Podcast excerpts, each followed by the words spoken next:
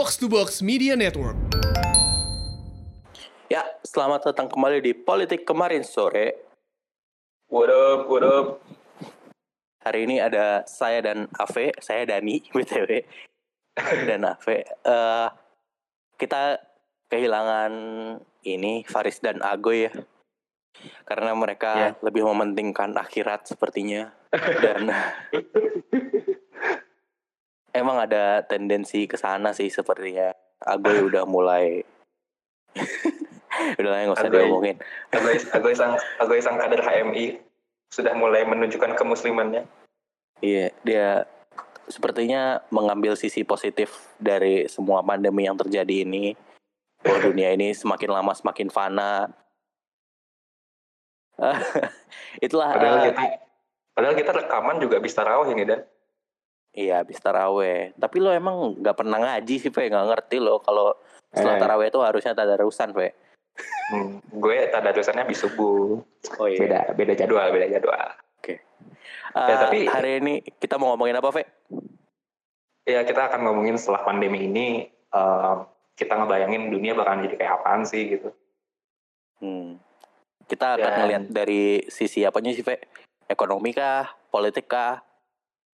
Em, gampangnya sih ekonomi ke ekonomi apa yang kejadian sama bisnis sama buruh sama tenaga kerja dan segala macamnya terus em, kita ngomongin soal kecenderungan pola di pemerintahan lalu mungkin nanti turun sedikit ke kebijakan-kebijakannya Oke, Eh, itu mungkin yang akan kita bahas. Selebihnya akan ada setelah lagu berikut ini. Kan keputusan MK tentang rumput eksekutif sudah dibahas. Dibilang nggak ada naskah eksekutif, eh, naskah ada nih, as- naskah ada, naskah ada akademisnya. Yang bener aja, apa kita orang tolol semua? Masalah kuasa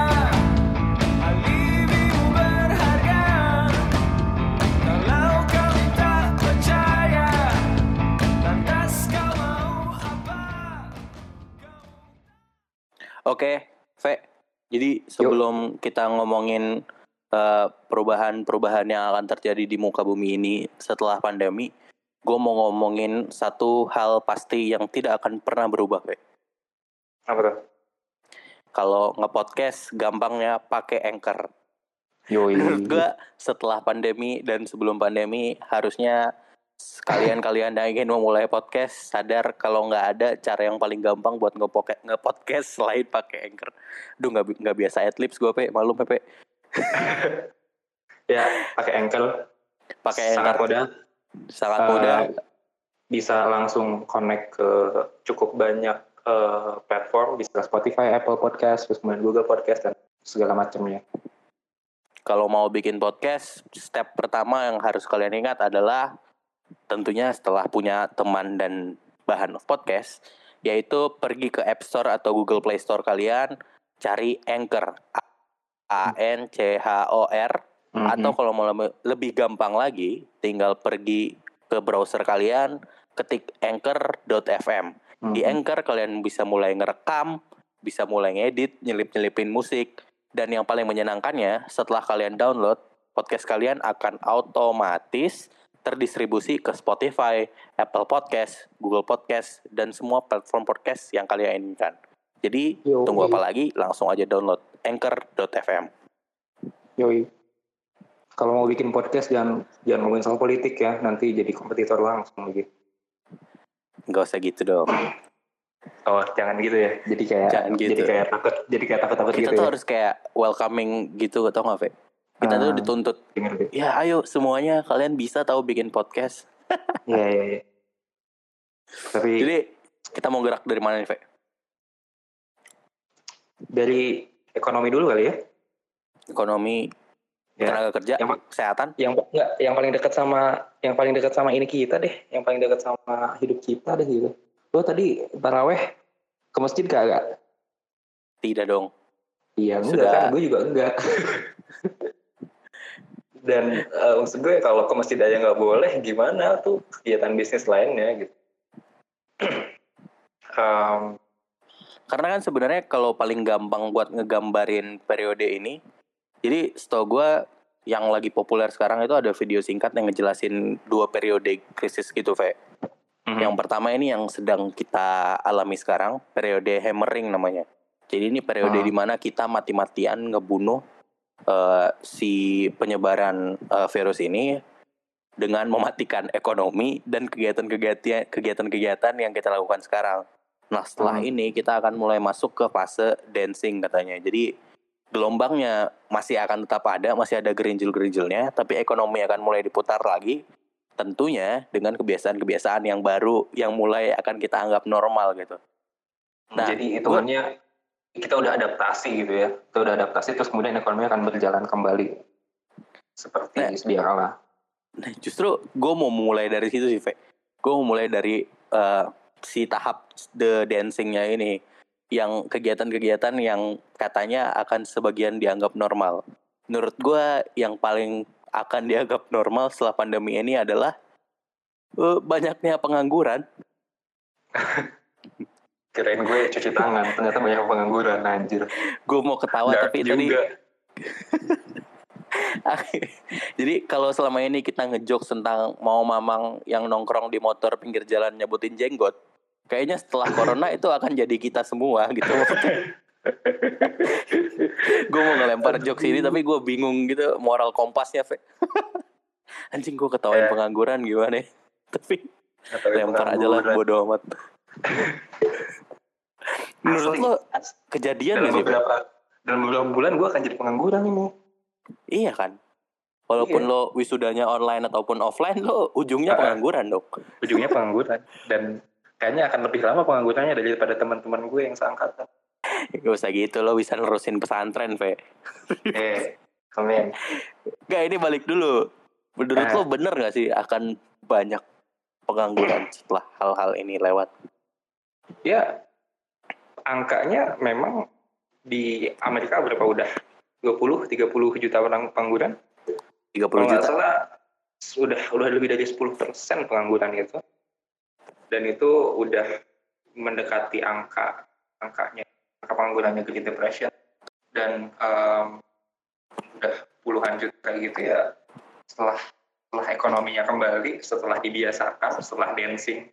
Kayak yang kata lo tadi ya kalau misalnya gue dan teman-teman gue berlima pe- apa penganggur jadi pengangguran gara-gara corona setelah biasa lagi yang kemudian dapat kerjaan ya cuman dua paling dari lima itu itu bakalan cukup lama kondisi Karena sebenarnya tantangannya bukan cuma ini kan, Ve. Tantangannya bukan cuma eh, virusnya dan dampak ekonomi kepada para pengusaha, tapi juga si pengusaha mulai akan mikir dong.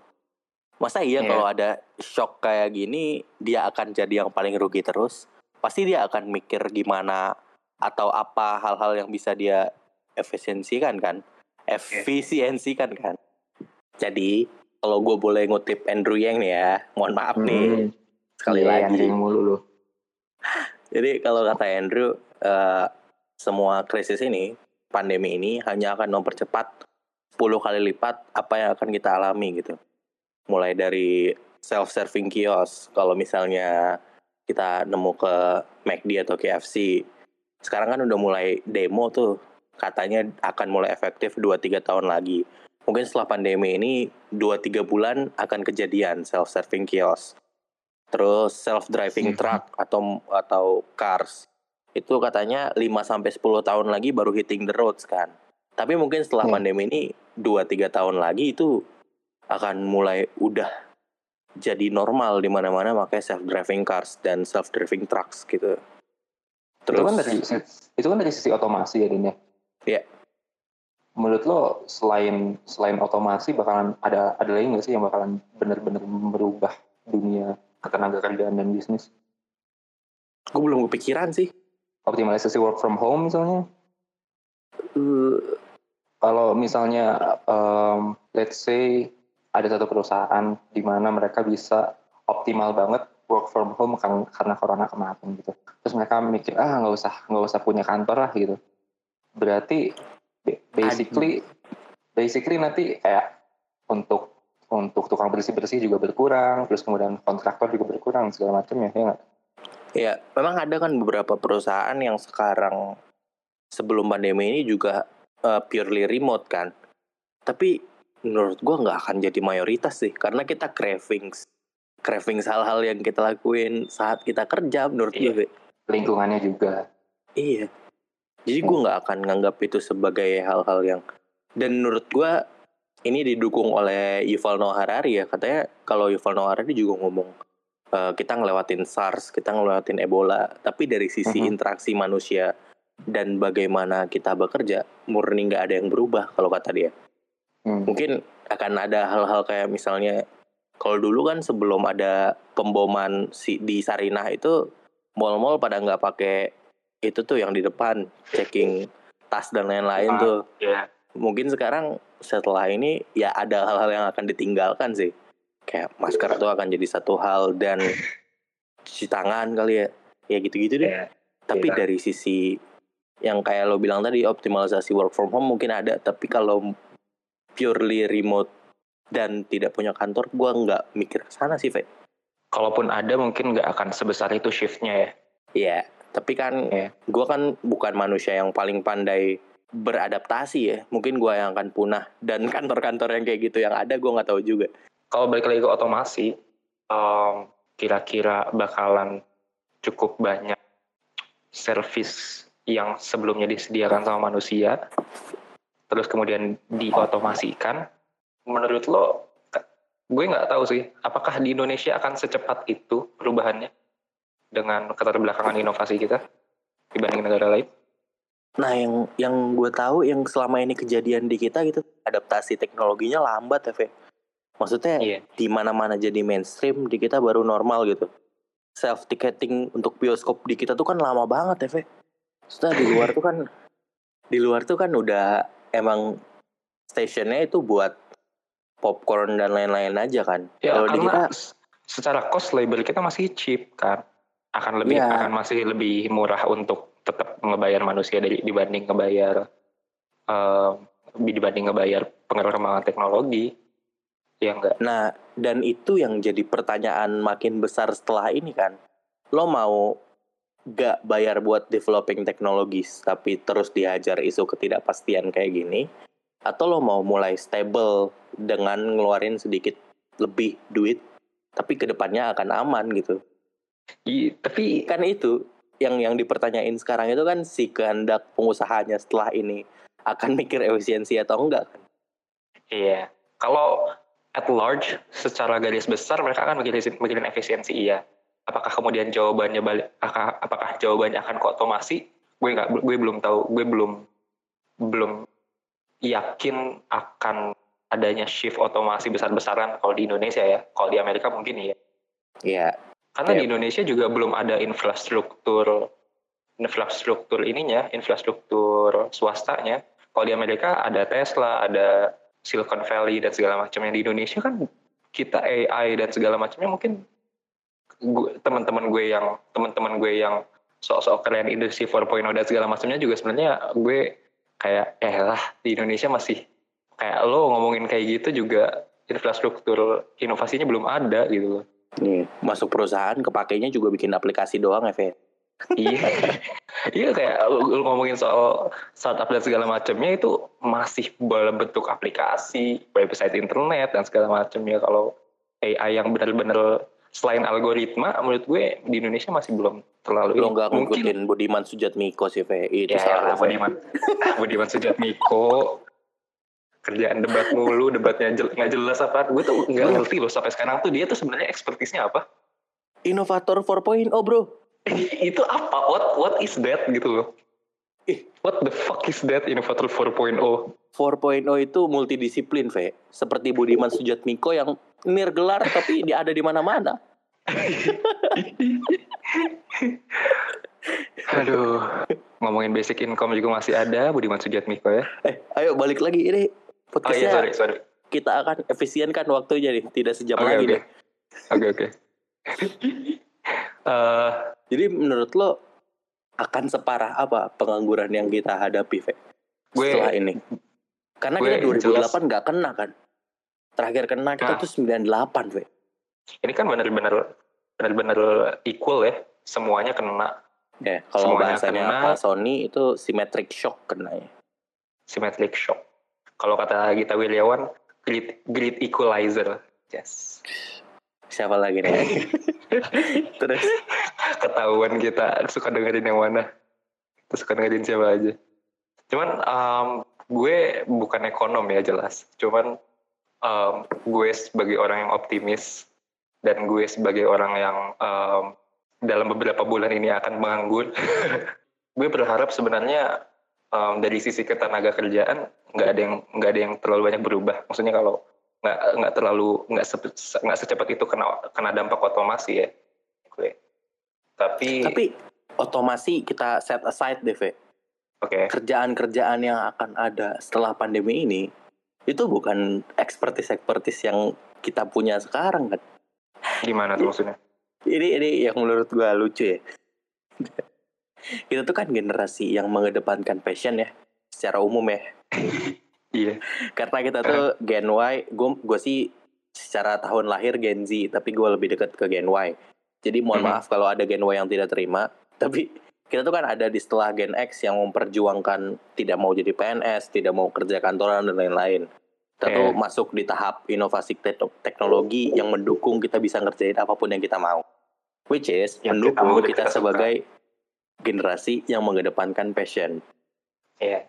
Eh, podcaster, penyanyi, comedian, dan lain-lain. Nah, tapi profesi-profesi ini, creator gitu. iya content creator, profesi-profesi ini adalah profesi-profesi yang terancam punah kan setelah ada pandemi. Jadi kita yang mikir, Dan gini dan dan ini gue agak akan agak-agak sedikit anti anti simpatik nih. And maybe for a good reason. ya, ya, Maybe for a good reason. Kenapa? Karena gue ngerasa dengan era sosmed ini kayak udah terlalu kebablasan gitu loh. youtuber youtuber bikin bikin miliaran tapi kemudian lo ngelihat lo ngelihat um, essential worker cuma dapat ratusan ribu gitu kayak gue mikir kayak kayaknya ini kayak kayak orang-orang mikirin lagi yang kapitalisme yang sebenarnya itu harusnya seperti apa? Gitu. Kita mulai paying respect ke hal-hal yang didapatkan susah ya Iya. kayak ya tenaga ahli dan lain-lain. ya dan Karena kemudian dan kemudian orang-orang yang orang-orang yang punya yang punya tanda kutip passion punya interest di bidang-bidang yang tidak esensial kemudian mikir-mikir dua kali. Dan menurut gue kita tidak kita tidak butuh kita sedang tidak butuh orang-orang yang mengejar passion dalam tanda kutip ya Iya, karena lo bayangin aja dunia pasca krisis ya, kita butuh inovasi di mana-mana. Sementara eh, tenaga kerja yang ada tersedia itu project manager semua, tau gak lo? nah, iya iya wah gue ngomong ngomongin 4.0 udah kejauhan nanti udah lanjut lanjut aja Jadi, jadi kita sepakat ya, kayaknya kalau tenaga kerja kita punya masalah dan akan struggling di sana ya.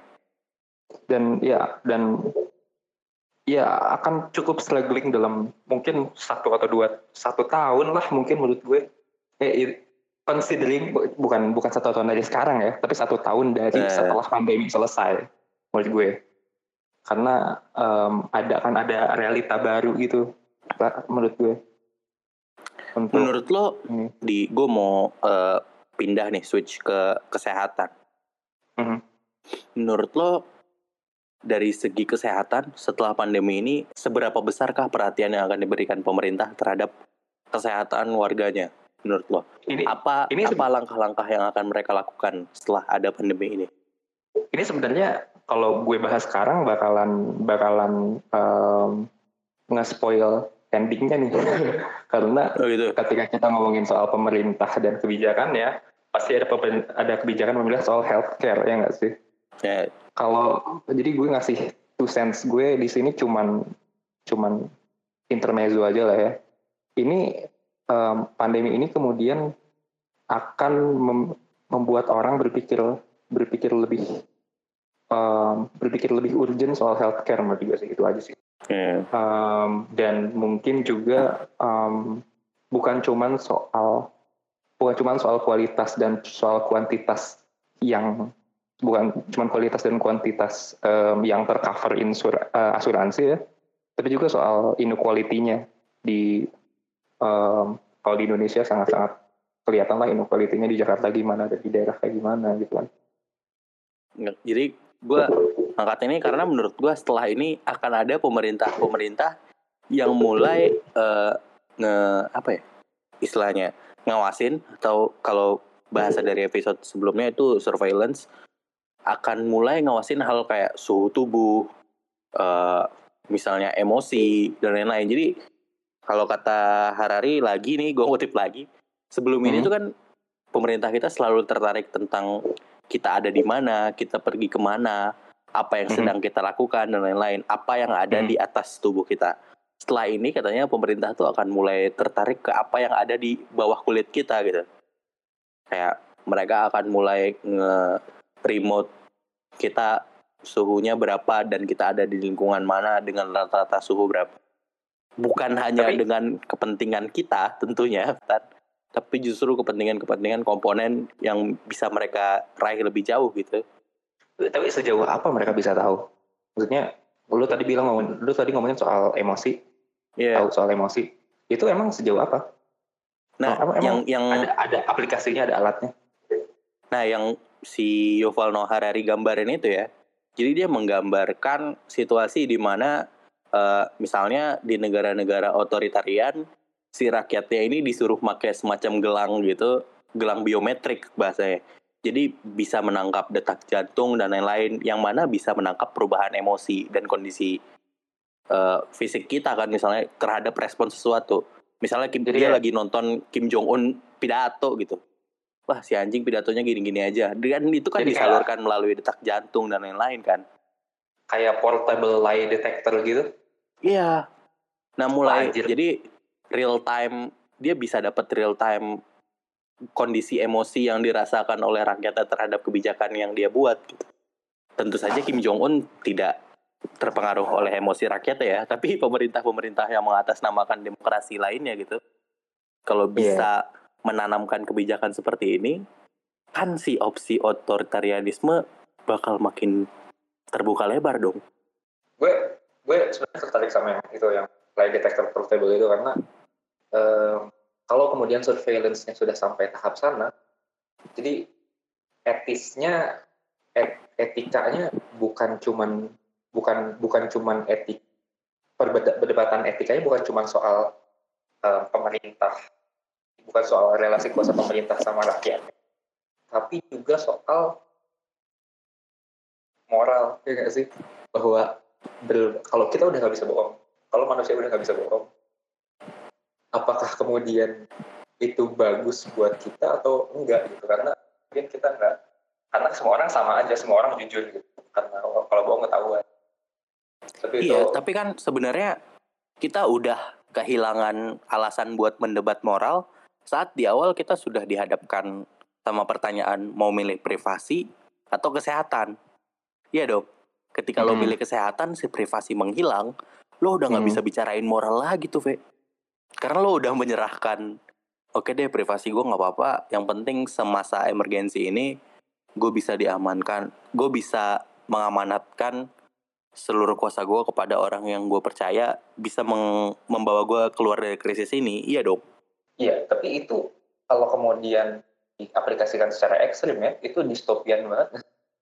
Gue ngebayangin langsung, langsung ngebayangin satu masyarakat yang sangat-sangat jauh dari keadaan masyarakat kita sekarang. Kalau kemudian yang kejadian gitu ya, kalau pemerintah sampai tahu apa yang kejadian di dalam tubuh di dalam tubuh kita gitu. Apa, apa Ini kita ekstrim pikirin, sih, kemudian- bahkan si ekstrim. si Harari juga ngutipnya dengan bilang sesuatu yang bahkan George Orwell, George Orwell tidak bisa gambarkan gitu. Ah, Karena Iya. Ya. karena ya gitu deh. Ya, oke. Em, terlepas dari dystopian future itu ya, em, menurut gue trennya akan em, trennya akan eh, ada tekanan bagi pemerintah untuk lebih ikut campur dalam dalam healthcare system di negara mana pun, menurut gue. Jadi Memang ada healthcare yang tidak atas campur tangan pemerintahan ya. ada tahu. Gimana? Maksudnya apa sih? Iya maksud gue yang yang selama ini kejadian di Amerika Serikat itu walaupun sekarang ada sejak sosial sek- ada Medicare dan segala macam. Sebelum itu kan nggak ada. Sebelum itu kan nggak ada asuransi pemerintah. Sebelum Obamacare tuh nggak ada asuransi. pemerintah. Jadi ya ya udah asuransi asuransinya swasta aja. Terus menurut lo setelah ini pemerintah akan lebih mencecer supaya pakai produk pemerintah gitu ya? Atau gimana? Mungkin mungkin bakalan diwajibkan sih. Hmm. kita kita mikir kalau BPJS ketenagaan eh kita mikir kalau sekarang BPJS ada BPJS ada BPJS ketenagakerjaan itu dua-duanya akan jadi satu aja dan kemudian bakalan ya udah bayar bayar aja mungkin mungkin kayak gitu ya eh, arahnya ke sana cuman em, mungkin masuk ke ke soal pemerintah yang akan lebih otoriter dan demokratis tadi ya dan Ya. itu gimana coba lu jelasin Nah, jadi kenapa gua angkat poin itu tadi kan karena ada dua ramalan lagi nih kalau dari si Yuval Noah Harari. Yang pertama bisa jadi sangat otoritarian kayak yang gue sebutin tadi bahwa pemerintah akan masuk ke sektor-sektor tertentu yang sebelumnya nggak mereka eh, laksanakan gitu. Atau yang kedua justru akan semakin demokratis demokratis gitu. Karena rakyat akan mulai menuntut misalnya yang ter- yang pertama yang jelas itu keteledorannya Cina ya karena di awal krisis ini diawali dengan Cina yang tidak menghandle dengan baik saat merahasiakan dan tidak transparan akan apa yang terjadi di kampung halaman mereka gitu. Nah ini mulai bisa mendorong supaya ya gimana kalau informasi dibuka aja sih dijadiin milik bersama ditransparankan sehingga bisa ditentukan apa yang baik untuk kehidupan bersama gitu. Menurut lo gimana? Em, kalau menurut gue gue melihat kecenderungan kalau yang pemerintah yang pemerintah yang leadingnya udah otoritarian sekarang mereka akan punya momentum untuk lebih otoritarian Ya. Sementara kalau pemerintahan yang leadingnya udah demokratis itu sistemnya akan kayak sistem politiknya akan beradaptasi untuk bikin itu lebih demokratis. Apalagi di pemerintahan demokratis yang pemerintahnya kompeten. Hmm. itu menurut gue kayak gitu. Em, di sisi lain kalau soal Cina sendiri ya kalau soal Cina sendiri menurut gue em, ada satu hal yang akan mengintervensi yaitu tekanan luar negeri.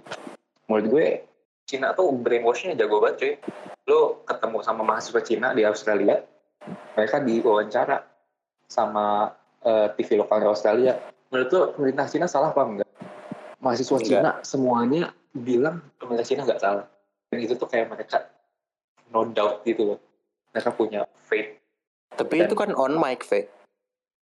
Iya iya sih cuman Cuman lo nggak tahu kan kalau off the record kalau gimana. kalau kalau lo lihat kalau lo lihat ini kalau lo lihat klaimnya diaspora Cina itu sama kayak gitu Em, diaspora yang diaspora yang masih ini ya diaspora yang ma- masih punya connection terhadap Cina nya bukan diaspora yang udah tinggal di luar negeri lama gitu ya Hmm. tapi diaspora Cina itu masih sangat-sangat punya ikatan ideologi sama motherlandnya itu nah ibunya itu sangat menurut gue secara kultur eh, secara kultur masih belum cukup kayak pandemi ini masih belum cukup untuk menjadikan revolusi dari dalam gitu nah Hmm. yang yang bisa yang bisa didemokratisasi sebenarnya adalah keterbukaan pemerintah Cina nya menurut gue karena setelah ini pemerintah Cina yang sangat-sangat tertutup itu dikritik sangat keras dan rightly so gitu loh.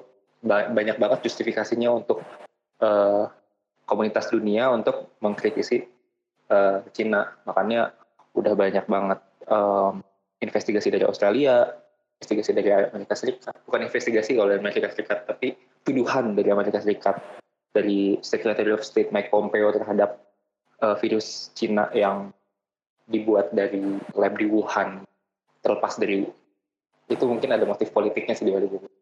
Tapi menurut gue eh, Cina sistemnya nggak akan berubah. Tetap otoritarian bahkan mungkin lebih otoriter lagi lebih lebih ngeganggu privasi warga negaranya lebih jauh gitu sekarang. Sebenarnya itu menurut gue leaningnya lebih otoritarian tapi bakalan lebih lebih apa ya bahkan lebih susah buat mereka mengelak dari dunia internasional. Yang itu gue juga nggak ngerti artinya apa sih. Ah, Akan seperti oke. apa artinya.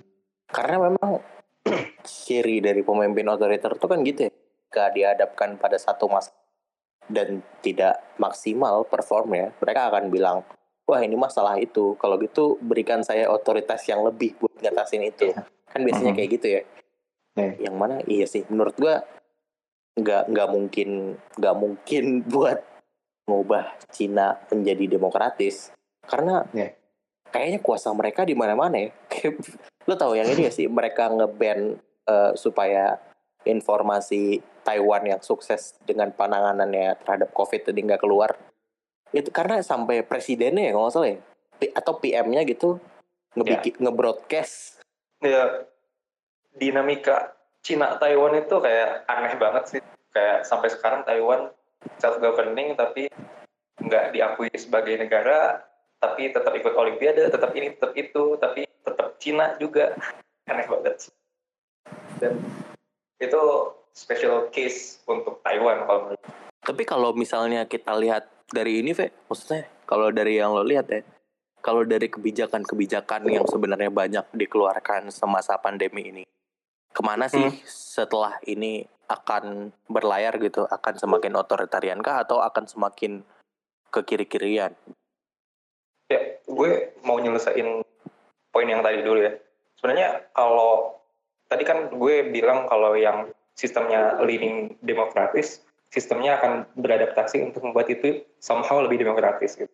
Iya. Tapi um, menurut gue momentum bagi pemerintahan demokratis ini adalah momentum untuk bikin kebijakan bikin kebijakan yang cukup signifikan terhadap progres cukup cukup signifikan terhadap ya cukup cukup progresif lah gitu. Karena kalau lo kalau ingat-ingat em, di masa-masa seperti ini eh, di ketika misalkan ketika di Great Depression di Amerika Serikat itu satu-satunya satu-satunya presiden Amerika yang dipilih tiga kali itu Delano Roosevelt gitu. Dan ketika Great Depression itu eh, the New Deal-nya Franklin Delano Roosevelt itu bikin Amerika punya government, punya pemerintahan yang kuat banget, yang besar banget, yang kemudian eh, signature policy-nya, eh, Medicare, Social Security dan segala macamnya itu masih terasa sampai sekarang gitu loh. Jadi em, kalau diturunin ke kebijakan, sebenarnya sekarang ini adalah momentum yang paling baik untuk em, untuk benar-benar ngelihat dari sisi humanisnya bahwa eh, dari dari sisi dari sisi kemanusiaan ini sebenarnya kebijakan apa yang paling benar ketika kalau ini kejadian lagi gitu.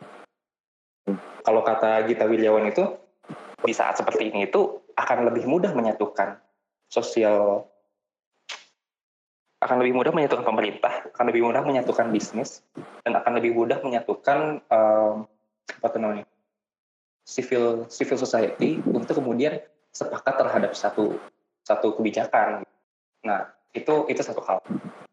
Di sisi lain kebijakan-kebijakan darurat ya kebijakan-kebijakan yang emergency dari pemerintah itu macam-macam macam-macam gimana pemerintahnya. Kalau di Amerika kan ada stimulus ya 3 triliun dolar itu yang 1.200 dolar per bulan kan iya nggak Iya, sih Dan? sepaket.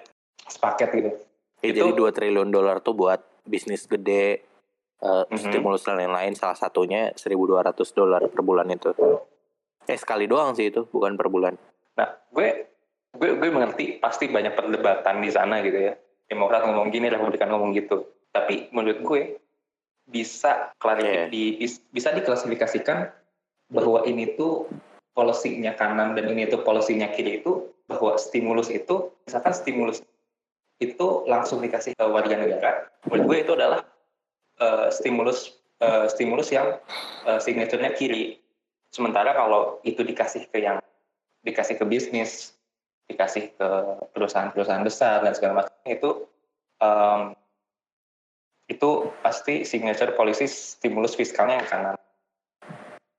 karena memang eh, argumentasinya berbeda. Kalau kalau yang kemudian dikasih ke dikasih ke apa tuh dikasih ke warga negara langsung ya ini berarti ini trickle up gitu. Warga negara nggak bisa bikin konsum eh, bikin bikin ekonomi berjalan kalau nggak ada konsum kalau nggak ada kalau nggak ada kalau nggak jadi konsumen gitu.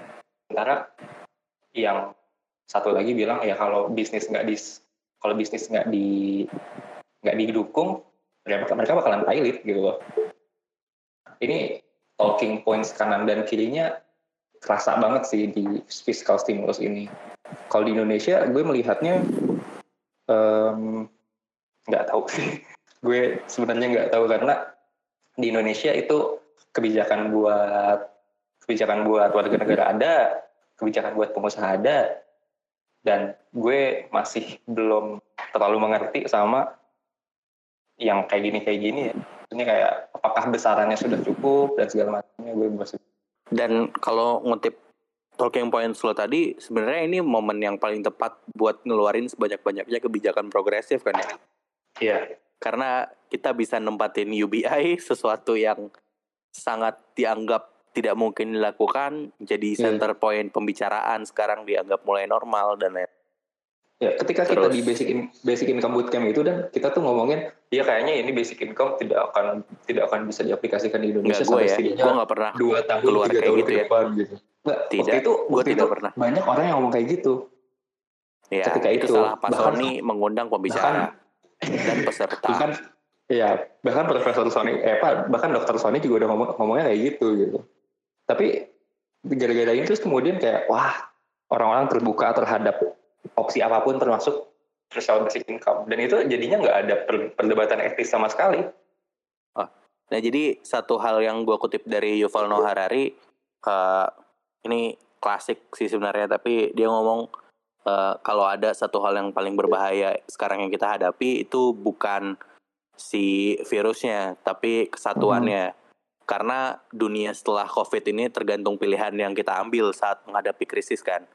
Eh, kita mau Hmm. ngadapin dengan cara yang sekarang kita pilih, yaitu yang ultranasionalistik, semuanya tentang negara-negara hanya negara kita sendiri kayak yang Amerika Hmm. lakukan tuh sekarang Amerika first dan ya Iya. emang bener sih Amerika sekarang first dari segi jumlah yang mati dan jumlah yang tertular Hmm. Eh, atau kita mau memilih bersama-sama seluruh dunia kan karena kalau kalau selama masih ada penularan di dunia maka virus ini bisa terus ada di dunia eh, bahkan bisa kembali ke negara mana pun dengan disiplin tinggi seperti New Zealand atau Singapura.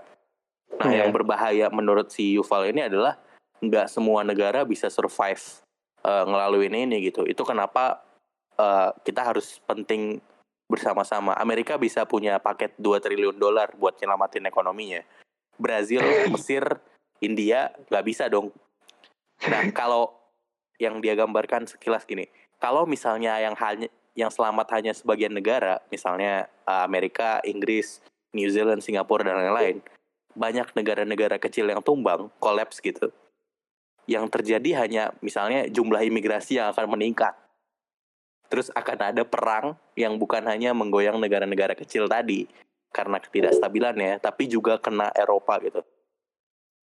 Jadi eh, poin yang pengen dikedepankan oleh Yuval adalah gimana caranya mendorong adanya satu kepemimpinan kolaboratif bersama yang bisa menghadirkan global security net misalnya. Jadi duitnya nggak boleh cuma punya Amerika doang nih, bisa dioper ke negara-negara lain.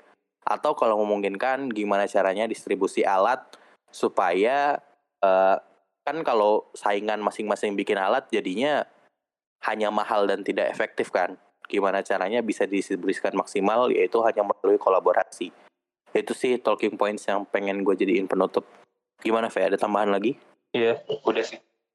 oke Eh, Gak ada gak ada lucu-lucunya ya episode ini ya. gak ada lucu-lucunya gue muter otak ada. tadi bingung Yang Oke jelas- Eh, iya udah. Udah, tutup dulu aja deh. ya oke Eh, itu aja episode minggu kali ini Eh, jangan lupa follow kita di Instagram at kalau kataku dan Twitter at kalau underscore kataku Yoi. see you next week Bye bye.